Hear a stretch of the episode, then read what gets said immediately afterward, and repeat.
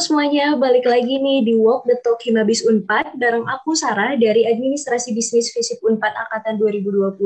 Dan aku juga ditemenin sama partner aku nih yang gak kalah kece, yaitu Kak Caca dari Administrasi Bisnis Fisip Unpad Angkatan 2019. Nah, pada podcast kali ini kami kedatangan seorang pembicara yang gak kalah keren dan gak kalah berpengalaman juga. Siapa sih Kak? Oke, pembicara kita kali ini adalah seorang founder dari Fruit FS yang juga merupakan lulusan dari Universitas Pajajaran, yaitu Kak Muhammad Nurijaldi atau biasa kita panggil Kak Rijal atau Kak Rijaldi. Nah, beliau ini itu menciptakan sebuah produk yang merupakan inovasi turunan dari buah lokal yang diproses dengan teknologi dehidrasi. Dan di sesi kali ini kita bakal ngobrol-ngobrol dan juga diskusi lebih jauh mengenai perjalanan karir, strategi, hingga tips dan trik beliau dalam berbisnis. Oke, nah Kak, tadi udah diceritain ya kulitnya Karizaldi itu siapa, terus udah gitu uh, bisnisnya apa. Nah, sekarang ceritain dong Kak, gimana sih perjalanan karirnya, gimana awal mulanya menjalankan bisnis, kok bisa sih kepikiran buat bisnis snack buah atau fruit strips kayak sekarang ini? Oke, okay, makasih Sarah dan Caca. Uh, Oke, okay, uh, perkenalkan sedikit, nama aku Rizaldi, uh, kebetulan aku dari FTIP 2014. Jadi, uh, cerita sedikit lah mungkin ya kenapa terjun ke dunia bisnis yang pertama, aku di kuliahan sendiri waktu itu memang paling seneng itu memang berbisnis ya. Dulu pernah sampai jualan kaos, jualan donat gitu. Bahkan ya ikut di event-event yang notabene-nya kita uh, ada kegiatan berjualan gitu gitu. Nah, uh, karena aku jurusan dari teknologi pertanian, jadi waktu itu sebenarnya latar belakangnya nggak pengen bisnis dulu nih, pengen dulu kerja kayak gimana. Nah, cuman waktu itu kebetulan tugas akhir aku tuh lebih ke teknopreneur ya bidang kajian itu atau disebutnya bisnis lah ya. Nah jadi waktu itu dituntut kita memang untuk menjalankan sebuah bisnis itu tugas akhir goalsnya adalah bisnis ini bisa benar-benar jalan. Jadi syarat lulus dari kuliah itu waktu itu yaitu gimana caranya bisnis itu jalan. Waktu itu masih pusing sih gimana caranya ya buat produk apa ini masih nggak tahu harus apain. Nah tapi waktu itu kepikiran karena eh, ada rekan juga yang punya produk dari hasil olahan buah-buahan ya jadi bentuknya jus tapi berangkatnya dari buah mangga gitu. Nah, kepikiran lah waktu itu sharing-sharing sama dosen, ngobrol, curhat panjang, akhirnya terpikirkan untuk membuat sebuah produk gimana caranya kita punya umur simpannya itu lama banget gitu bisa sampai satu tahun. Kan kalau jus botolan gitu kan paling cuman kalau di suhu ruang ini paling cuman sampai 2 sampai tiga hari. Pengen kepikiran lah ya akhirnya lah buat sebuah snack yang dinamakan waktu itu masih belum fruity fresh ya. Namanya dulu masih mango day karena startnya dari buah mangga. Itu sih jadi sebenarnya ikut dari pola tugas akhir. Akhirnya setelah lulus bisnisnya terus dijalankan. Karena potensi dan inovasi dari produk ini tuh eh, sangat-sangat eh, bagi aku tuh potensi banget lah kayak gitu jadi memang ke depannya orang-orang bakal ngelirik dari produk ini itu sih Wah, menarik banget sih, Kak. Jadi berarti tadi yang mendorong Kak Jaldi sehingga yakin untuk mau berbisnis fruit invest itu karena uh, ada tugas kuliah juga ya Kak, tugas akhir. Iya. Nah, uh, udah gitu ke pertanyaan selanjutnya nih Kak, di awal menjalani bisnis, apalagi sambil kuliah nih Kak, pasti ada kan hambatan dan tantangan tersendiri. Boleh nggak sih Kak diceritain uh, apa sih tantangan dan hambatannya dan gimana juga cara Kak Jaldi buat mengatasinya? Oke, okay.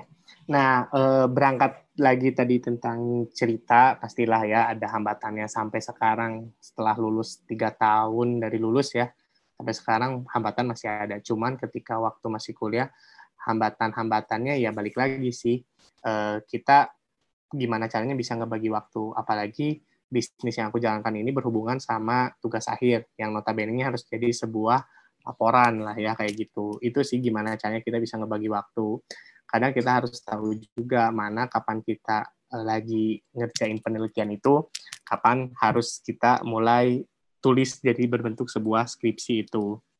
Itu sih jadi hambatan. Terus uh, yang jadi hambatan juga produk aku tuh termasuk produk baru ya. Jadi kan ya kita kita flashback sedikit.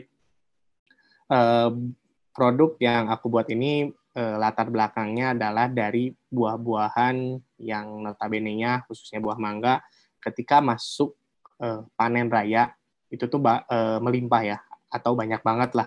Nah, kita pengen gimana caranya buah-buahan tersebut bisa terolah dengan baik kan selama ini yang kita tahu harga buah mangga kalau di pasar tuh bisa sampai 15.000 sampai 30.000 per kilo. Bahkan khusus buah yang kita gunakan itu buah gedung gicu di Jakarta sendiri bisa sampai harganya 60.000 per kilo. Tapi ketika masuk panen raya itu di petani harganya bisa sampai 1.000 rupiah per kilo. Itu sih sebenarnya yang melatar belakangin eh, gimana caranya pengen punya bisnis yang bisa berdampak bagi eh, masyarakat sekitar khususnya kayak gitu. Nah berangkat dari situ akhirnya kita buat produk yang namanya fruit strip itu. Jadi mungkin bentuknya kayak nori rumput laut lah ya, atau kayak takenoi gitu, tapi kita dari buah-buahan. Jadi kita 100% nih dari buah asli, tanpa gula, tanpa tambahan pengawet. Nah, intinya dikeringkan dari bahan baku tersebut, jadilah produk itu. Nah, yang paling sulitnya adalah gimana caranya masyarakat Indonesia khususnya bisa menerima produk ini. Dan notabene kan produknya produk baru ya uh, kalau misalkan kita jualan keripik itu masih bisa diterima dan orang tahu gitu bentuknya keripik seperti apa. Tapi untuk notabene-nya produk Fruitifest ini di awal-awal ini sih yang jadi sulitnya gimana caranya kita tetap harus melakukan uh, edukasi gitu. Bahkan sampai sekarang pun Instagram yang kita gunakan tetap masih banyaknya di edukasi. Apa sih itu fruit strip, apa itu Fruitifest, cara makannya seperti apa. Itu sih yang jadi tantangan khususnya ketika memulai itu. Kemudian yang jadi hambatan tim juga waktu itu masih sendiri. Eh, jadi kita eh, eh jadi aku sendiri waktu itu mulai dari proses produksinya harus dikerjakan sama siapa, kemudian marketingnya intinya harus kejual berapa. Ya akhirnya seperti itu. Cuman dari situ seneng sih menikmati prosesnya karena ya namanya juga buat skripsi sendiri gitu ya.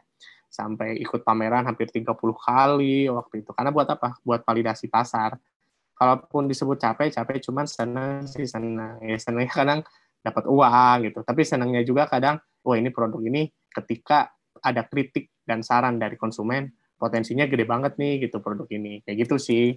Jadi hambatan ada cuman kita waktu itu aku bawa enjoy mungkin ya. Bawa santai dulu gitu. Tahu uh, kapan ketika kita harus fokus penelitiannya dan tahu kapan kita harus mulai nulisnya. Seperti itu sih Oke Kak, tadi kan udah kakak udah nyebutin nih kalau misalnya untuk memperkenalkan produk yang baru ke masyarakat Indonesia itu kan pasti sulit kan. Nah, pengen tahu nih Kak, gimana sih Kak supaya kakak itu uh, bisa bertahan dalam bisnis ini kan juga pasti kan dibutuhin marketing yang bagus dan kan Kak. Nah, cara kakak membranding Fruitifest ini sih yang pengen kakak bangun uh, oleh si Fruitifest ini.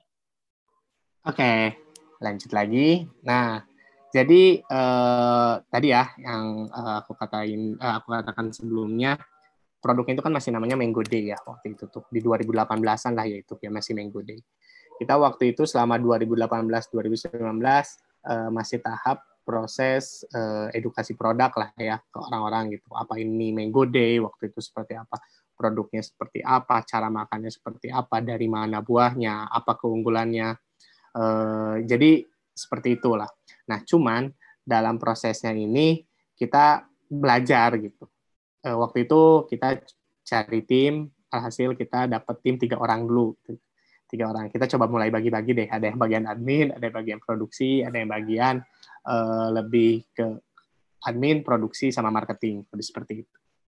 Nah, di sini sih sebenarnya kita e, harus ini sih harus sepakat dengan tim itu. Jadi kita benar-benar punya visi misi yang sama gitu di timnya ini.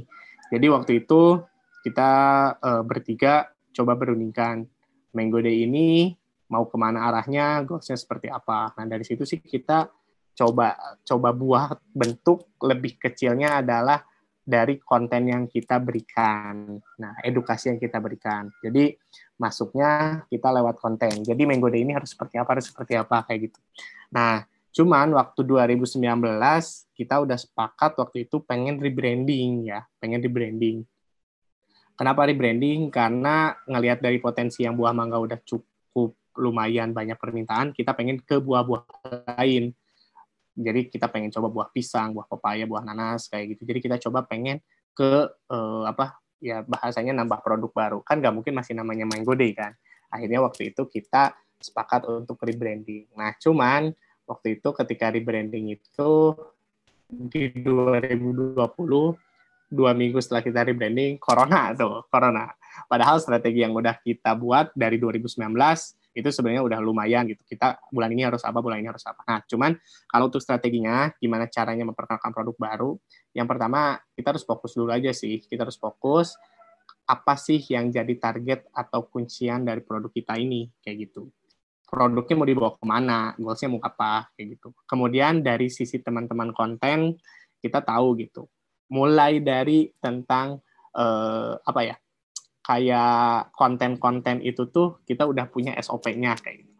Mulai dari warna, warna font-font tuh kita tuh udah tahu gitu. Bahkan dari logo sendiri pun kan kita sebenarnya udah dirundingkan gitu. Nah, jadi gimana caranya orang tahu pengapalan dari brand kita, kemudian orang tahu cara menikmati produk kita. Nah, makanya sampai saat ini pun kita tetap melakukan yang namanya brand edukasi. Dulu masih enak, ada kegiatan pameran secara offline. Itu menjadi media buat uh, ya bahasanya ya kita memperkenalkan produk secara langsung. Cuman sekarang kan ada media online juga ya. Kita kan uh, didukung misalkan oleh Instagram, media sosial media sosial yang memang mendukung dari uh, edukasi produk kita. Nah dari situ sih, jadi konten-konten yang diberikannya gimana caranya cukup sederhana tapi bisa kena ke target segmen kita. Itu sih. Jadi konten-kontennya tetap makanya Instagram sebagai sebagai brand edukasi kita, bukan sebagai tempat jualan kita. Jadi ya terus gimana caranya kita memperkenalkan produk kita, ya mau to mode juga, kadang lewat kolaborasi produk kayak gitu. Kemudian mengikuti event-event. Itu sih gimana caranya kita bisa memperkenalkan untuk khususnya produk-produk baru kayak gitu. Wah, berarti ini yang baru tahu juga nih aku ternyata uh, perubahan nama dari Mango Day ke jadi Fruity Fest itu karena karena ini ya kak karena rebranding ya kak ya karena ingin uh, lebih dari satu jenis buah gitu ya kak. Nah terus nih kak dari info yang kita dapat bisnis snack buah atau fruit strips ini benar-benar gencar nih di e-commerce dan digital marketingnya. Nah, Fruitifest juga kan ada di Instagram, WhatsApp, Facebook, website, Blibli, Tokopedia, dan Shopee juga. Boleh diceritain gimana mengelolanya serta tips and triknya Kak, selain yang tadi di Instagram untuk edukasi itu? Oke, nah uh, tadi ya, perangkat kita sebenarnya waktu itu di 2019 belum banyak ya uh, untuk jualan online-nya kita sebenarnya masih waktu itu di 2019 masih banyak sejujurnya 2018 2019 kita masih banyak jualan di offline karena pameran-pameran seperti itu. Nah, cuman seiring berjalannya waktu kita juga waktu itu belajar sih kita nggak bisa kalau offline terus kita perlu penjualan yang namanya online kayak gitu. Nah itu sebelum adanya corona bahkan ya. Nah waktu itu kita akhirnya uh, coba membuka online tapi masih di angka 30% gitu. Jadi masih banyak eh, untuk eh, kebanyakan masih di offline ya 70%. Maksudnya offline tuh retail, kemudian pameran seperti itu. Nah, mulai masuk ke online waktu itu kita start pertama memang kalau di media sosial masih di Instagram. Nah, yang keduanya eh, berangkatnya ini kita masuk e-commerce ke Blibli. Ya, alhamdulillahnya itu waktu 2019 kita kan ikutan kompetisi Blibli dan akhirnya dapat pendanaan. Nah, dari situ sih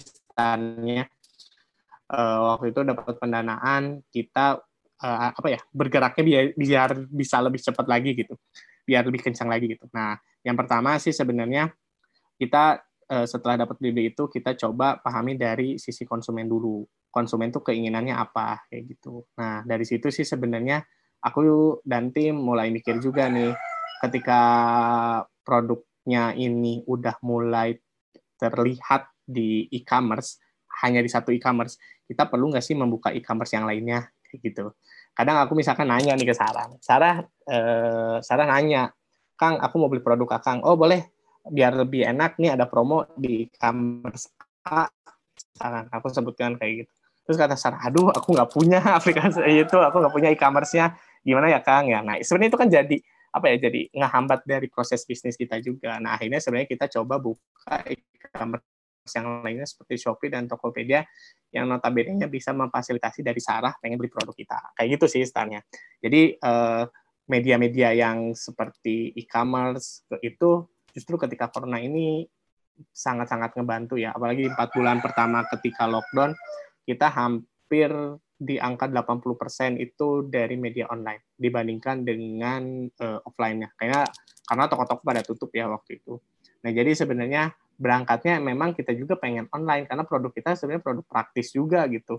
Kita kayak masker bahkan ya bisa mudah dibawa ke mana-mana kayak gitu. Jadi ya solo-solo aja waktu itu. Ayolah kita mulai online di situ. Gitu sih. Jadi ada sedikit bahkan ada sedikit cerita di awal pun ya kita masih bingung gitu jualan online kayak gimana tapi kan kita belajar dari pola-pola dari saran-saran konsumen juga kayak gitu kita nggak nggak langsung sepihak pengen buka di toko A nggak. Kita dengar mendengarkan saran dari konsumen baiknya kayak gimana. Nah jadi masukan konsumen tuh memang benar-benar ngebantu dari perkembangan Fruitifest sendiri. Gitu.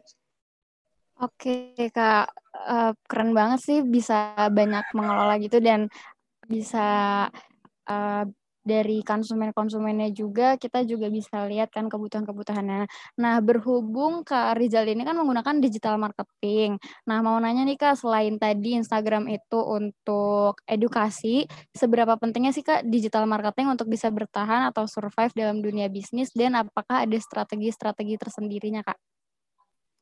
Oke, uh, yang pertama uh, sebagai catatan media e-commerce atau online lah ya bahasanya itu sangat-sangatlah penting untuk kita di zaman yang sekarang ini kayak gitu.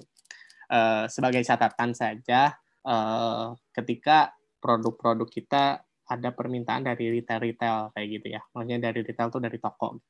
Ketika kita tanya, kok cepet ya permintaan dari produk tersebut? Ketika kita tanya ke toko tersebut, dia jualannya selain offline dia jualan online juga. Bayangin dia punya toko tapi dia jualan online juga kayak gitu. Nah kita sebenarnya belajar dari sana juga gitu. Toko-toko tersebut eh, gimana caranya mereka berpikir ke arah sana. Kita kok nggak ke arah sana kayak gitu. Dan kalau sebenarnya tentang belajar apa ya belajar dari digital marketing kita juga bisa lihat dari eh, pangsa pasar itu sendiri ya kalau ketika kita misalkan jualannya secara offline, mungkin kita hanya di lingkaran itu saja, kayak gitu kan. Kita nggak bisa mungkin hanya di kota-kota tersebut. Tapi ketika kita jualan online, orang Manado, orang Palembang, orang Medan, apa pun kan bisa beli produk kita gitu. Cuman mungkin ya kalau yang jauh-jauh tersebut memang minusnya dari ongkir. Cuman sebagai catatan pentingnya mereka bisa tetap bisa beli produk kita kan gitu walaupun keadaannya jauh. Nah, terus eh, yang kita harus persiapkan juga eh, tadi ya timnya juga nih ya tentang pengelolaan digital marketing itu sangat penting. Gimana caranya kita nggak boleh nih ketika kita misalkan udah punya eh, tiga e-commerce tapi satu diabaikan nanti kan biasanya ada teguran-teguran kayak gitu ya. Ya intinya berkomitmen lah ketika kita misalkan buka di tiga e-commerce tersebut, ya kita harus kelola gitu. Mulai dari penawaran harga sampai ya nanti SKU SKU SKU itu kalau kalian misalkan beli baju satu baju nih atau ada baju kedua itu SKU ya namanya. Jadi nah dari situ sih kita kegambar bahwa ya orang-orang udah mulai ke arah online juga gitu. Terus kema kemarin ngeliat gitu walaupun lagi corona orang-orang kan yang belanja banyak tuh. Tapi kan di online juga tetap banyak kayak gitu. Ada orang yang memang nggak mau belanja tuh langsung kayak gitu. nah sebenarnya itu sih. Kemudian ya dari kitanya juga kita perlu yang namanya eh, pembagian pekerjaan khususnya tim konten, tim digital marketing yang memang bisa memudahkan mereka gitu. Mulai dari gimana cara desainnya, gimana caranya eh, apa ya target ke konsumennya, ads-nya kayak gitu. Makanya sebenarnya kita perlu yang namanya kan model bisnis ya. Model bisnis itu yang mengantarkan kita gimana caranya kita bisnisnya mau bergerak ke arah mana, Jangan sampai kita nggak punya model bisnis, jadi kita asal ads, asal buka e-commerce, asal jualan, kayak gitu. Enggak. Jadi sebenarnya tetap dikelolanya kita bareng-bareng, siapa adminnya nanti, siapa bagian yang penanggung jawab marketingnya, siapa yang bagian pengiriman barang. Nah, itu tuh udah ada SOP-SOP-nya dan terbangun sistemnya. Itu eh, nggak butuh waktu yang sebentar sebenarnya, itu butuh waktu yang lama. Cuman ya kita kerasa dalam proses-prosesnya. Nanti ketahuan kok kurangnya di mana, kurangnya di mana seperti itu sih. Oke, Kak mau masuk sedikit dong di luar uh, di luar list pertanyaan. Tadi kan karena Kakak juga bilang ada penanggung jawab penanggung jawabnya. Nah, aku pengen tahu dong Kak kira-kira dari Fruitify sendiri itu ada berapa tim atau karyawan yang ada di Fruitify sekarang totalnya? Oke, untuk tim sebenarnya kita ada enam orang. Masih kecil ya masih sedikit sebenarnya. Cuman ya karena kita ya balik lagi sih masih termasuk bisnis yang kecil juga gitu startnya dari kecil. Nah yang pertama eh, bagi aku enam orang ini udah udah cukup ya. Nanti tergantung dari permintaan produk lagi. Kalau permintaannya banyak ya berarti nanti kita perlu menambah pegawai tapi khususnya di produksi. Cuman untuk tim konten dan admin kita udah pas. Yang pertama sih sebenarnya ada aku sendiri kan di sini sebagai CEO juga ya gimana caranya sih kalau aku di sini lebih banyak ke bagian strategi kerjasama. Kalau aku ya, kalau aku di bagian strategi kerjasama, misalkan aku nanti mainnya lebih ke cari retail, kemudian cari kerjasama, ikut kompetisi seperti apa kayak gitu. Kemudian jadi jadi apa eh, apa penengah di antara marketing dan produksi kayak gitu. Kan biasa nih kalau di bisnis bisnis marketing pengennya A, produksi pengennya B kayak gitu kan itu harus di harus di tengah-tengahkan kayak gitu. Nah, eh, kemudian ada tim yang kedua tuh tim marketing. Tim marketing ada berdua, namanya Iban dan Alisa. Iban sendiri eh, itu tim dari awal ya, tim dari awal Fruitifest. Jadi di sini Hiban tuh gimana caranya dia ngedeliver konten yang dia inginkan ya strategi-strateginya biasanya Hiban satu bulan sekali presentasi satu bulan ini mau kayak gini-gini terus uh, anggaran yang diperlukan untuk bulan ini segini-segini. Nah dari situ nanti uh, Hiban lebih ke konten caranya di B2C-nya. Maksudnya B2C itu lebih ke kayak uh, di e-commerce ya, gimana caranya uh, produknya bisa terlihat lebih enak. Atau di media sosial, konten-konten IG-nya mau seperti apa. Nah nanti ada Alisa yang bisa nurunin dari keinginan Hiban itu. Jadilah sebuah desain, jadilah sebuah konten, caption seperti itu. Jadi ada ada spot pekerjaan-pekerjaannya kayak gitu.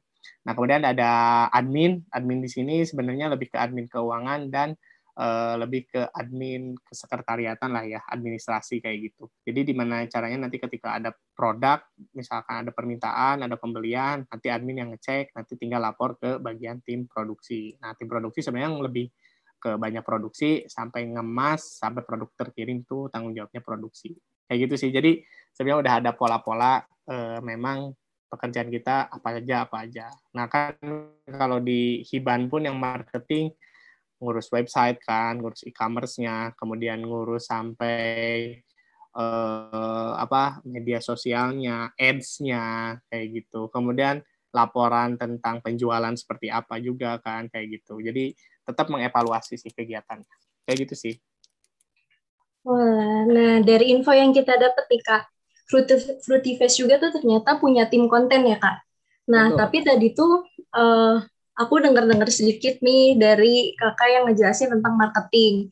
Nah marketing sendiri juga kan ngurusin tentang konten ya di berbagai e-commerce dan Instagram juga. Nah itu tuh nyambung gak sih kak? Jadi apa aja tugas dari tim konten dan seberapa penting peran tim konten dalam bisnis kakak?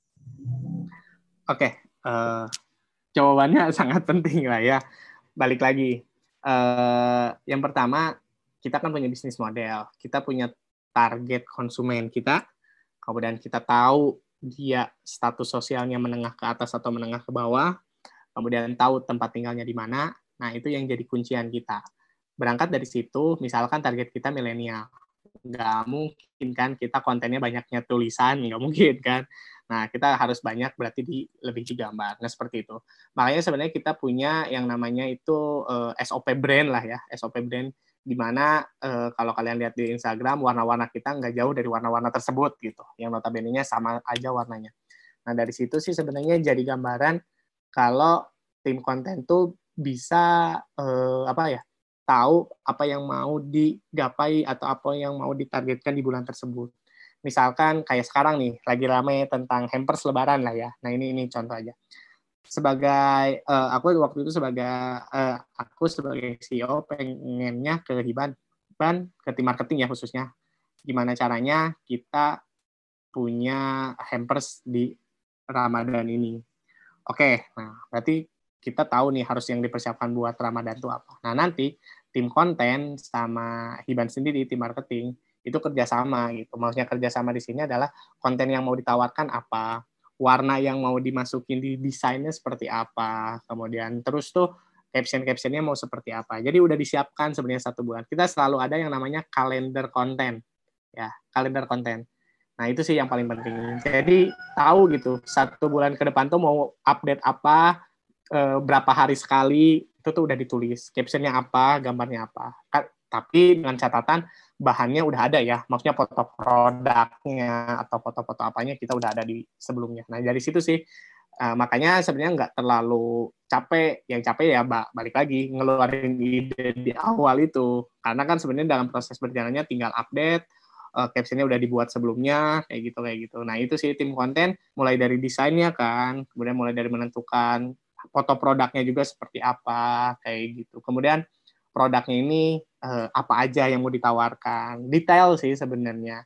Cuman ya balik lagi dari kemampuan setiap orang kan nanti beda-beda. Makanya ketika cari tim kita memang cari orang-orang yang ahli di bidangnya atau mau belajar di bidangnya. Kalau ahli sih kadang mungkin agak susah ya, tapi mau belajar di bidangnya.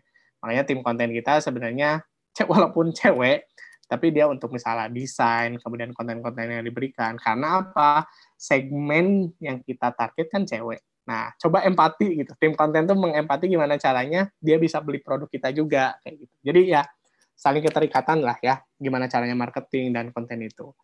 Aku pengennya A, marketing pengennya A, konten ya gimana caranya nurunin desainnya seperti apa jadi A kayak gitu ya walaupun misalkan kalau di Instagram contohnya like-nya masih kurang itu nggak apa-apa sih sebenarnya karena tujuan dari kita adalah itu itu kalau organik ya itu kalau organik kalau kita di ads mungkin bisa aja banyak ya nah tapi kan target dari kita adalah gimana caranya kita bisa mengedukasi orang-orang dengan produk kita melalui konten itu paling dari aku. Oke, kalau menurut Kak Rizal sendiri ada nggak sih Kak situs atau platform yang menurut Kakak tuh dirasa paling worth it untuk bisa memasarkan sebuah produk? Nah, kalau tentang platform, eh, kalau dari aku sih sebenarnya itu tergantung dari kitanya ya, tergantung dari konsumennya, tergantung dari strategi kitanya. Berarti kalau ngomongin e-commerce nih, aku ada tiga e-commerce, tapi ngomongin tentang media sosial, kita aktifnya cuma di Instagram aja website hanya sebagai rumah kita lah ya. Orang-orang kadang lebih percaya kalau kita punya website kan, lebih trust lah sepertinya kayak gitu. Apalagi untuk orang-orang luar yang notabene-nya pengen tahu produk kita, ya kita arahkan ke website itu. Nah makanya sebenarnya untuk di Instagram sendiri, balik lagi tadi kan kita punya uh, yang namanya uh, apa ya tentang edukasi produk ya. Nah dari situ kita ada link tree juga yang ngarahin kalau mau beli konsumen tuh ke ke mana aja. Pertama kan ada Shopee, Tokopedia, uh, sama Blibli. Nah, kalau yang benar-benar masuk ke target dari konsumen kita, sebenarnya banyaknya ada di Blibli.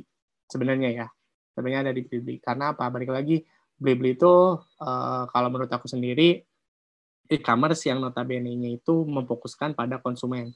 Jadi nggak bisa sembarang penjual bisa jualan di Blibli kayak gitu ya dibandingkan dengan Shopee dan Tokopedia gitu. Nah, cuman kalau untuk transaksi penjualan sampai saat ini masih banyak itu di Shopee dibandingkan dengan Tokopedia.